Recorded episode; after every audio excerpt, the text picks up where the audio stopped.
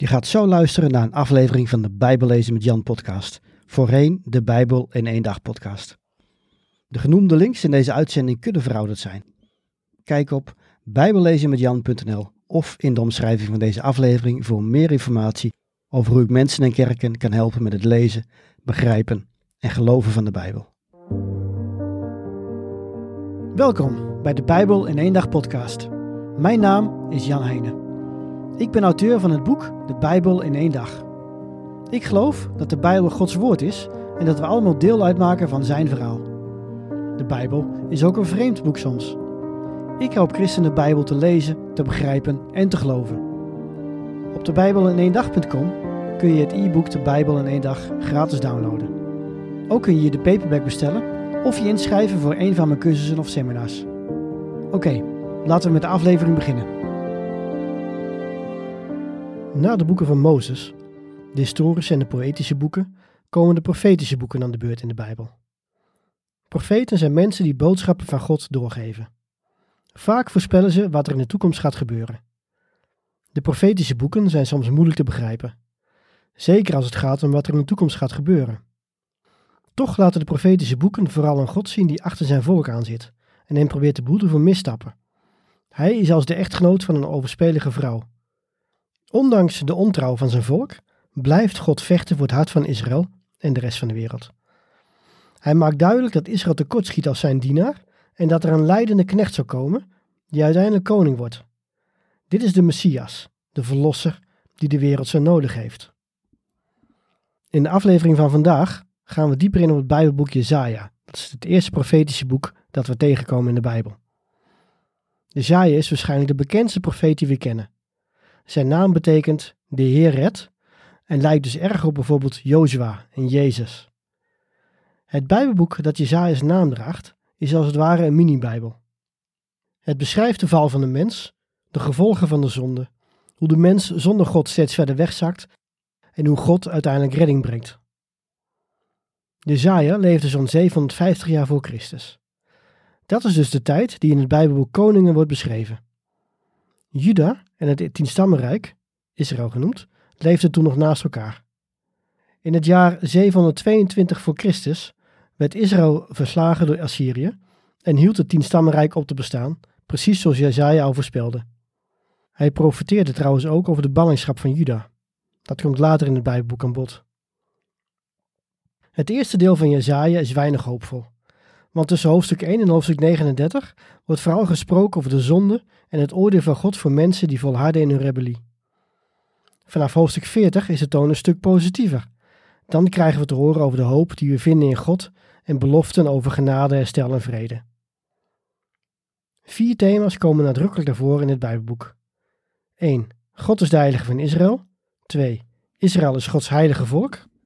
3. Jeruzalem is Gods heilige stad.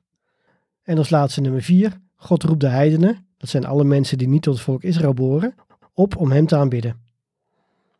Ook profeteert Jezaja over de Messias. Messias betekent gezalfde. Je kunt het ook vertalen met Christus, dat is het Griekse woord voor gezalfde. Dit zijn een paar sleutelversen over de komst van de Messias. Ten eerste Jezus' geboorte. In Jezaja 7 vers 14 zegt hij, Daarom zal de Heere zelf u een teken geven. Zie, de maagd zal zwanger worden. Zij zal een zoon baren en hem de naam Immanuel geven. Jezaja spreekt ook over Jezus' bediening. Want in hoofdstuk 61 zegt hij, De geest van God, de Heer, rust op mij. Want de Heer heeft mij gezalfd.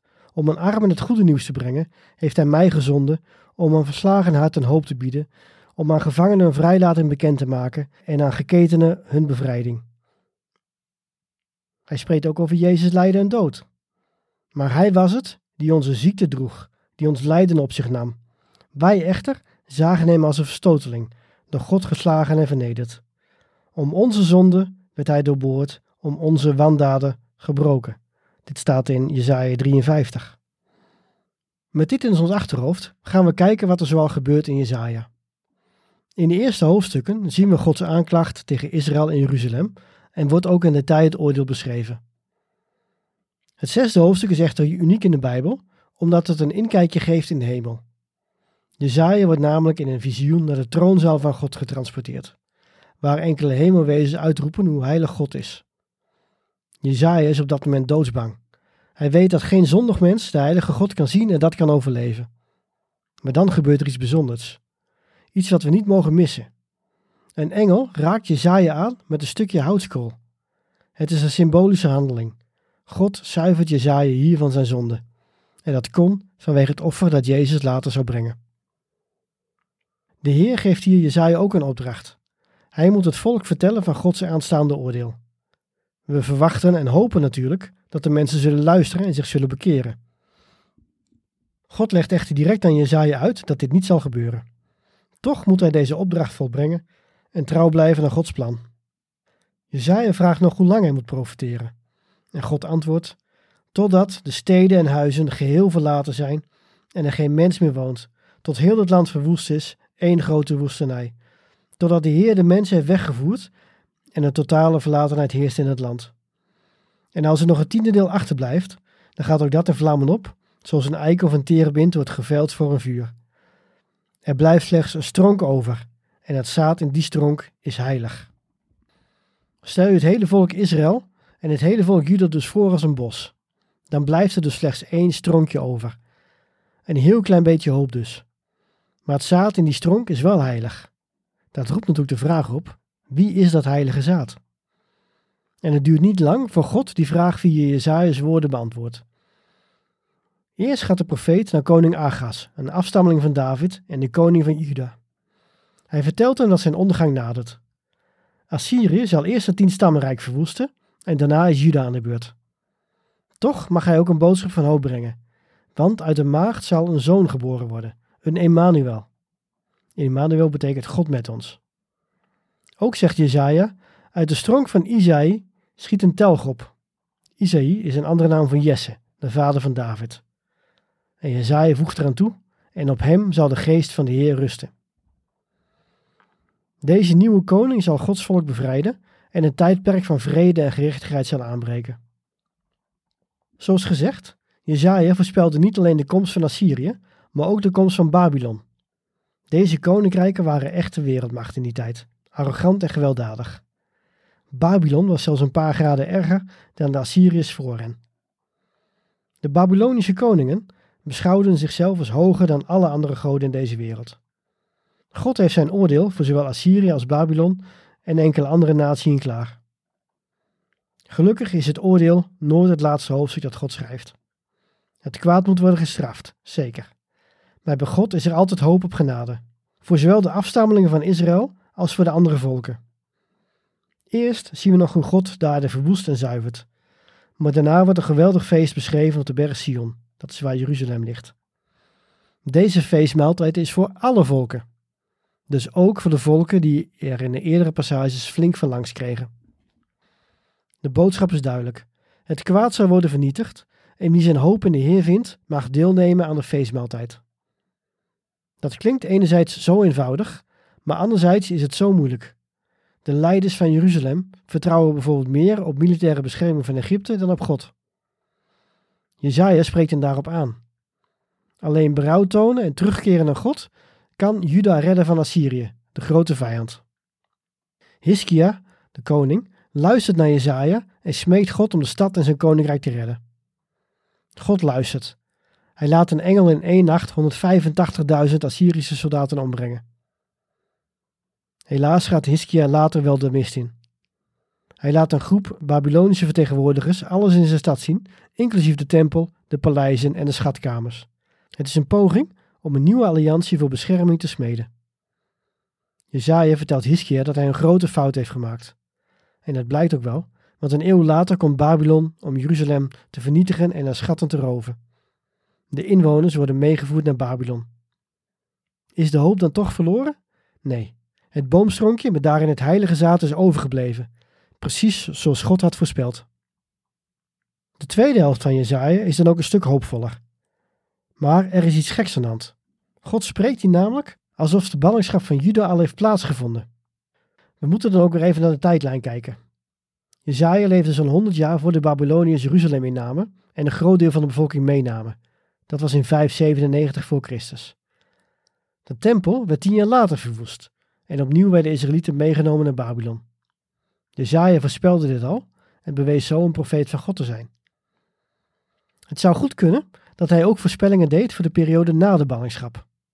Als God Jezaja 100 jaar vooruit kon laten kijken, kon hij hem ook 200 jaar in de toekomst laten zien. Maar het zou ook kunnen dat het tweede gedeelte van het boek is geschreven door profeten in de traditie van Jezaja. Zeg maar, Jezaja's leerlingen en leerlingen van die leerlingen. In de hoofdstukken 8, 29 en 30 zegt God namelijk tegen Jezaja dat hij bepaalde zaken moest opschrijven en de boekrollen moet verzegelen. Het is mogelijk dat deze mensen de boekrollen van Jezaja later hebben geopend en deze hebben geïnterpreteerd volgens de tijd waarin ze leefden. De meeste academici geloven dat Jezaja niet alleen door Jezaja is geschreven. Zelf neig ik er toch naar om te geloven dat God Jezaja in staat stelde om het hele boek te schrijven. Het goede nieuws is dat het voor de uitleg niet uitmaakt wie de hoofdstukken 40 tot en met 66 op papier hebben gezet.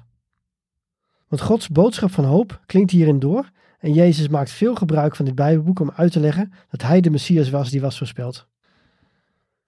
Dus wat staat er nou precies in Jesaja deel 2? Er wordt dus een nieuw tijdperk aangekondigd. De Babyloniërs zijn verslagen en de zonden van Israël zijn teniet gedaan. Iedereen mag terugkeren naar Jeruzalem, waar God zijn koninkrijk gaat vestigen en de hele wereld zijn heerlijkheid zal zien. De opdracht aan het volk Israël is dat zij zich moeten opstellen als Gods dienaar en de wereld laten zien wie hij werkelijk is. Maar dat doet Gods volk niet. Ze klagen en verzetten zich. God roept zelfs uit: Is er iemand zo blind als mijn dienaar, zo doof als de bode die ik zend? Is er iemand zo blind als dit gestrafte volk, blind als de dienaar van de Heer? Het ziet veel, maar onthoudt niets. Het heeft zijn oren open, maar hoort niets. Eigenlijk zijn die eerste hoofdstukken van het tweede deel van Jezaja een soort rechtszaak. God speelt daarin afwisselend de rol van beklaagde, aanklager en rechter. Waar het op neerkomt, is dat Israël zijn geloof in God is verloren. Ze denken dat God niet bij machten was om hen te redden van Babel. Misschien waren de Babylonische goden wel sterker dan de God van Israël. De reden van de ballingschap was, zoals we natuurlijk hebben gezien in de hele Bijbel tot nu toe, natuurlijk andersom. Omdat Israël zich niet aan Gods wet hield en hem ondanks herhaaldelijke kansen niet trouw bleef, werd het volk weggevoerd. Dat is dan ook wat God hen voorhoudt. Bovendien laat God de Persen Babylon veroveren, zodat Israël weer terug kan keren. Dit alles zou Israël weer het vertrouwen en het geloof in een God moeten teruggeven. Maar de tragiek is dat Israël opstandig blijft en in feite de rol van Gods dienaar naast zich neerlegt. Maar wie kan de wereld dan vertellen wie God is? Wie kan zijn knecht zijn in plaats van Israël? Tussen hoofdstuk 49 en 55 wordt een nieuwe dienaar geroepen. Deze krijgt in eerste instantie ook de naam Israël, maar het gaat hier uiteraard om Jezus. Zijn missie is om het volk Israël terug te brengen bij God, maar ook om een licht te zijn voor de heidenen, ofwel alle andere volken op aarde. Deze knecht zal Gods koninkrijk op aarde vestigen, maar hij doet dat niet met geweld. Integendeel, hij laat zich slaan en martelen. Jezaja 50 beschrijft: Ik heb mijn rug blootgesteld aan mijn folteraars. Wie mij de baard uittrokken, bood ik mijn wangen aan. Ik heb mijn gezicht niet verborgen, tot ze mij beschimpten en bespuwden. En uiteindelijk wordt deze dienaar zelfs vermoord door zijn eigen volk, zoals hoofdstuk 53 in detail beschrijft. Deze dienaar wordt omschreven als iemand die ernstig lijdt, niet omwille van zichzelf, maar omwille van anderen. Hij draagt hun ziekten, hun pijn en zelfs hun zonde. Hij wordt begraven als een godloze, maar even later is hij toch weer levend. En door te sterven heeft hij een verzoeningsoffer gebracht en kunnen mensen in vrede leven met God. Dit goede nieuws wordt direct gevolgd door een oproep om je te bekeren tot God. Alleen wie op God vertrouwt, wordt onderdeel van dit Messiaanse koninkrijk. Mensen die de leidende dienaar afwijzen, worden dat niet. De zaaier werkt toen aan hoogtepunt in zijn boek. Nog één keer komen alle thema's van het Bijbelboek terug. In de laatste elf hoofdstukken vinden we een verzameling gedichten met in het midden gedetailleerde beschrijvingen van Gods dienaar. Hier staan onder meer de versen die Jezus later citeerde toen hij de mensen van zijn tijd probeerde uit te leggen wie hij was. We hebben ze net ook gelezen. De geest van God, de Heer rust op mij, want de Heer heeft mij gezalfd. Om aan armen het goede nieuws te brengen, heeft hij mij gezonden. Om aan verslagen hart een hoop te bieden, om aan gevangenen een vrijlating bekend te maken en aan geketenden een bevrijding. Jeruzalem wordt bewoond door Gods dienaren En deze stad zal een plaats zijn van waaruit Gods gerechtigheid en genade en zegen zal stromen naar alle naties van de wereld. Maar voor en na dit gedeelte staan lange gebeden, waarin de dienaren berouw tonen en de zonde van Israël beleiden. Ze zijn verdrietig vanwege al het kwaad dat ze zien in deze wereld. Ze vragen God om vergeving en om zijn koninkrijk te vestigen op aarde. Maar Jezaja noemt hier ook de mensen die God blijven afwijzen. Dit zijn de goddelozen. En God kan hen niet accepteren. Zij mogen vanwege hun egoïsme en afgoderij niet in Gods stad wonen. De mensen die niet te trots zijn om een zonde toe te geven, maar berouw tonen, worden echter vergeven en mogen wel in het nieuwe Jeruzalem verblijven.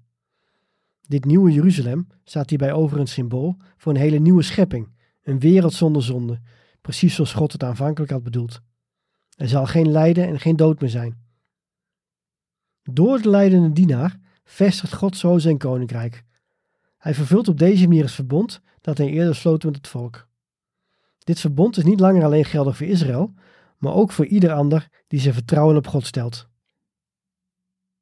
Dit was het Bijbelboek Jezaja in vogelvlucht. Ik hoop dat deze podcast je helpt om de puzzelstukjes van de Bijbel steeds beter te leggen. Wil je nog meer groeien in je kennis, wil je nog meer groeien in je kennis van de Bijbel en je liefde voor God laten toenemen? Overweeg dan om te komen naar mijn Bijbel één dag seminar. Binnenkort vindt er weer een plaats. Je kunt alle details vinden op jan-heinen.nl slash seminar jan-heinen.nl, dat is e lange i, slash seminar.